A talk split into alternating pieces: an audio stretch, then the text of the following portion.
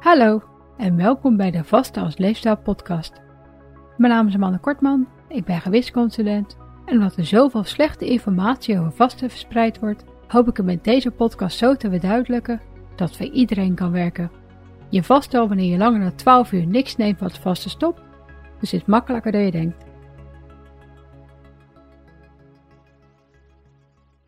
En welkom bij aflevering 28.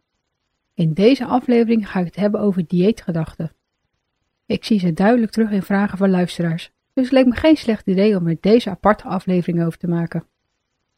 Misschien dat de term dieetgedachte je niks zegt, maar het staat ook wel bekend als dieetdenken en het hebben van dieetachtige gedachten. In het Engels staat het bekend als diet brain. Onder de dieetgedachte kan van alles vallen, maar je moet hierbij vooral denken aan de diverse boodschappen die volgens de vele dieet- en eetpatroon als de waarheid worden gezien. En die in je gedachten kunnen rondspoken als je bijvoorbeeld bedenkt wat je gaat eten. Denk hierbij aan koolhydraten zijn dikmakend. Of juist, vet is dikmakend. Ik moet heel eiwitrijk eten, want anders bouw ik nooit spier op. Of te veel eiwitten verkorten je leven. Laat ik er maar niet te veel van nemen. Dierlijke producten zijn slecht voor je. Of zelfs, planten bevatten gifstoffen. Ik ga alleen nog maar dierlijke producten eten. Maar ook, ik heb één koekje gegeten, welk deze maand suikervrij wilde zijn. Laat ik de rest van het pak ook maar opeten. Ik heb het nu toch al verziekt. En, de weegschaal blijft maar hetzelfde aangeven. Ik ga extra streng zijn voor mezelf en nog langer vasten, meer sporten en nog minder eten. Deze voorbeelden lijken misschien overdreven, maar ze komen toch echt voor dat er zoveel tegenstrijdige informatie beschikbaar is. En sommige mensen alles 100% goed willen doen en daardoor juist te ver gaan. De kans op een eetstoornis is dan ook aanwezig. Dit soort dieetgedachten komen vaak vooral bovendrijven als het dieet niet naar wens gaat, maar ze kunnen ook getriggerd worden tijdens het verbeteren van de leefstijl. Dieetgedachten zullen op lange termijn echter alleen maar voor stress en teleurstelling zorgen, wat weer kan leiden tot mentale honger, waardoor het nog moeilijker is om af te vallen of om een gezonde leefstijl te volgen. Als dit soort gedachten je daarom maar al te herkenbaar zijn, is het belangrijk om even een stapje terug te nemen en je huidige afvalstrategie of leefstijlverbeteringen eens goed onder de loep te nemen. Als je wilt afvallen, dan gaat het natuurlijk nooit snel genoeg. Maar vergeet niet dat het gewicht er ook niet binnen een week aan zat. En hoe sneller je afvalt, hoe groter de kans is dat je stofwisseling verlaagt en het gewicht weer terugkomt. Gemiddeld een pond per week afvallen gaat snel genoeg. En het kan betekenen dat je de ene week 2 kilo kwijtraakt en dan weer weken niks. Focus daarom, zoals ik ook in bijvoorbeeld aflevering 10 heb uitgelegd, vooral op de fysieke veranderingen en kijk liever naar hoe je kleding zit dan wat de weegschaal aangeeft. Als je kleding ruimer gaat zitten, ben je tenslotte ook aan het afvallen. Ben je vooral bezig met het verbeteren van je leefstijl door gezonder te gaan eten en erop te letten dat je voldoende beweegt? Laat je dan ook niet gek maken door de vele eetpatronen en sporten die aangeraden worden. En begin dan, net als je wilt afvallen, bij de basis. Ga als eerste bij jezelf na wat en hoeveel je eet. Als je wat je eet te erg beperkt, eet je al snel te eenzijdig en krijg je last van voedingsstoffentekorten. Dit kan niet alleen vage klachten geven, maar er ook voor zorgen dat je honger blijft houden, door de kans groot is dat je voor de snelle hap gaat en niet voor de gezonde. Eet ik bijvoorbeeld te veel dagen achter elkaar dezelfde lunch, dan zal deze steeds slechter vullen, doordat mijn lichaam ook andere voedingsstoffen nodig heeft. Hoeveel je van alles neemt is natuurlijk ook erg belangrijk. We blijven honger houden als ik verhoudingsgewijs niet genoeg koolhydraten en of vetten neem. En word ik misselijk van een gezonde, maar een voor mij te vet maaltijd. Extreem koolhydraatarm of vetrijk eten is dan ook niks voor mij. Maar extreem koolhydraatrijk ook niet, zodat ik dan weer juist te weinig eiwitten en vetten binnenkrijg. De kleine porties van alles nemen zorgt er verder voor dat je niet alleen extra honger houdt, maar op lange termijn ook voor de spaarstand zoals ik ook in aflevering 25 heb besproken. Als je lichaam namelijk denkt dat er een hongersnood is, verlaagt het de stofwisseling, zodat je minder kostbare energie verbrandt en voedsel makkelijker als de reservebrandstof lichaamsvet opgeslagen kan worden. Hierdoor kan je steeds minder eten om toch op hetzelfde gewicht te blijven. Experimenteer daarom met je wat en hoeveel, zodat je maaltijden je goed vullen en je goed laten voelen. Luister ook aflevering 11 nog een keer en vergelijk je huidige eetpatroon eens met die van de aangeraden dagelijkse hoeveelheden van puur gezond, die ik hier weer heb gelinkt. Wees als volgende niet bang om bepaalde voedingsmiddelen te eten, die volgens veel diëten een slechte naam hebben, maar die wel onder echt eten vallen, zoals aardappelen en volle zuivelproducten. Beide worden dikmaaks genoemd, terwijl ze uitstekend in een gezond eetpatroon passen, tenzij je natuurlijk allergisch of intolerant voor bent. Zelf pas ik alleen mijn, tussen aanhalingstekens, dieet aan, aan de dingen die ik lekker vind en waar ik goed op reageer of waar ik in ieder geval niet echt last van krijg. Ik heb tenslotte slecht werkende en daardoor erg gevoelige darmen, dus ik merk snel als er iets verkeerd valt. Dit betekent echter niet dat ik alles waar ik ook maar een beetje op reageer laat staan. Ik weet namelijk dat het geen kwaad kan en pas alleen maar porties aan doordat ik gevarieerd genoeg eet en niet met een opgeblazen buik en buikkrampen eindig. Veel dieetgoeroes dit soort reacties echter als teken van het feit dat deze voedingsmiddelen slecht zijn. En dan geldt dit natuurlijk voor iedereen, dat krijg je al snel een boek die ze allemaal in het verdomhoekje zet.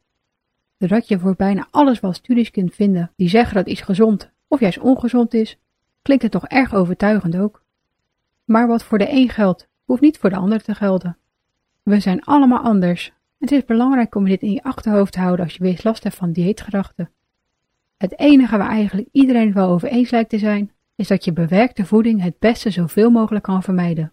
Dus dat is het enige wat je hoeft te onthouden. Vermijd hiervoor junkfood en andere producten met ingrediënten die je amper kunt uitspreken. En focus op echt eten.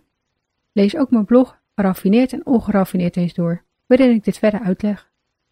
Er is natuurlijk altijd ruimte voor iets ongezonds, maar laat het een extraatje zijn en niet de basis van je eetpatroon.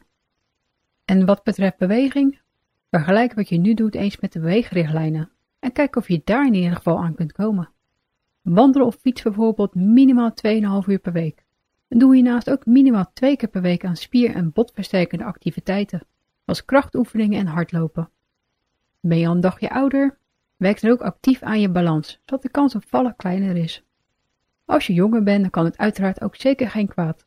En yoga en tai chi zijn echt toegankelijk voor jong en oud. Zie bewegen ook niet als iets wat je moet doen om af te vallen, maar als iets wat je doet om zo lang mogelijk actief te kunnen blijven. Rust roest tenslotte. Zoek een aantal dingen die jij leuk vindt, of in ieder geval makkelijk vol kunt houden, en maak ze onderdeel van je dag- en weekschema.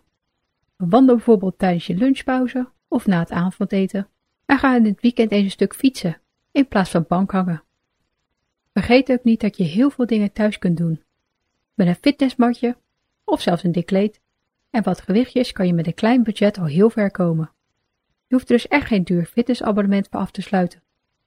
Op YouTube kan je veel oefeningen vinden, maar je kunt natuurlijk ook meedoen met Nederland in beweging. Ik ga nog even terug naar de studies die je voor en tegen alles kunt vinden. Want over vasten kun je natuurlijk ook genoeg studies vinden, bij het als niet werkend of soms zelfs slecht wordt bestempeld. Deze halen zelfs nog wel eens het Nederlandse nieuws en kunnen voor veel verwarring zorgen. Als je de studies echter doorleest, vind je vaak al snel de redenen waarom de conclusie negatief is.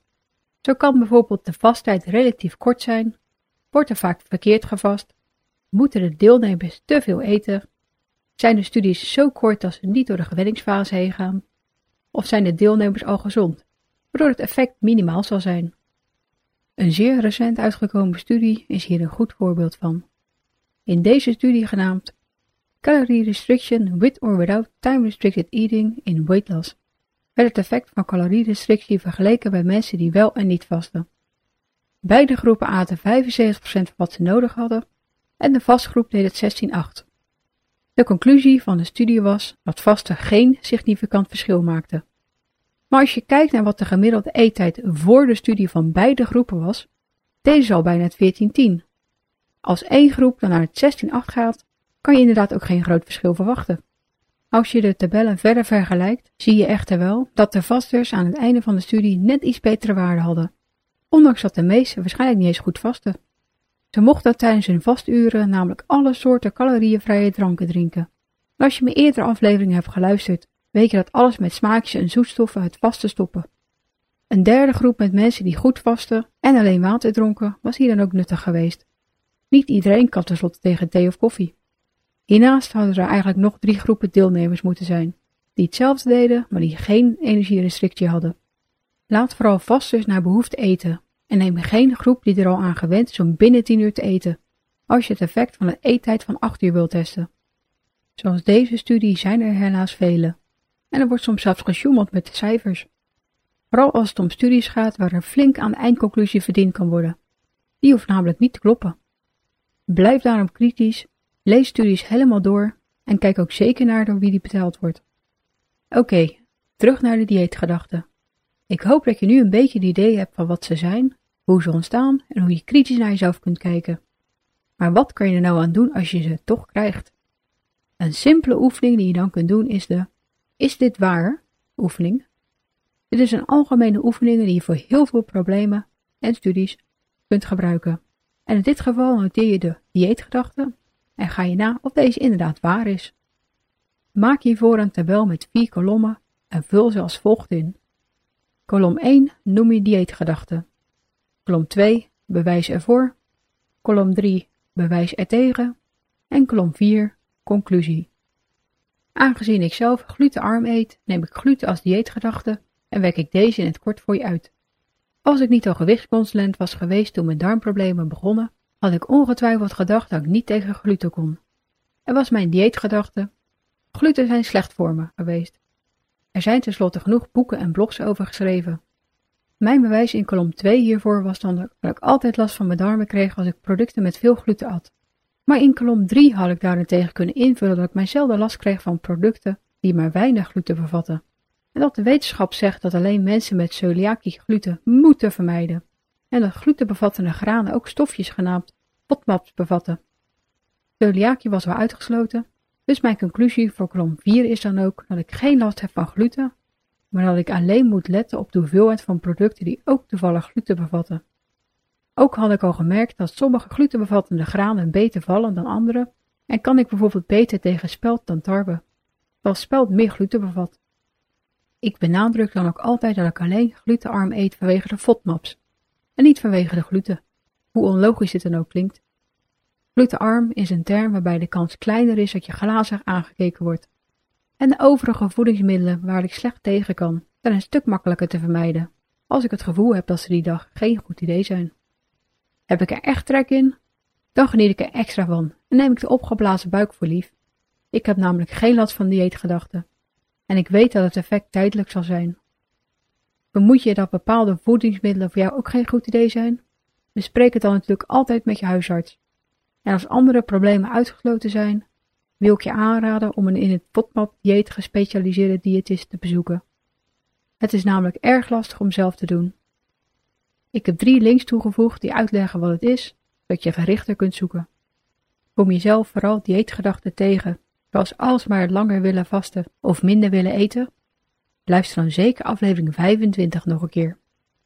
Je kunt vasten tenslotte gebruiken om mee af te vallen, maar overdrijf niet en zorg voor een goed balans tussen vasten en voeden. Ik hoop dat deze aflevering je heeft geholpen met het herkennen van jouw dieetgedachten. En doe ook zeker de oefening als je er eentje tegenkomt.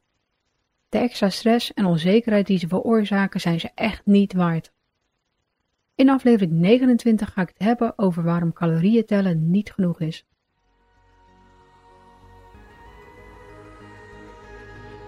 Bedankt voor het luisteren en vergeet niet dat je de onderwerpen en bronnen altijd in de omschrijving van de aflevering kunt vinden.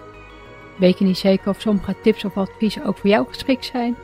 Bespreek ze dan natuurlijk altijd met je arts. Heb je nog vragen of opmerkingen? Of heb je behoefte aan persoonlijke begeleiding? Kijk dan op valerien.nl voor meer informatie.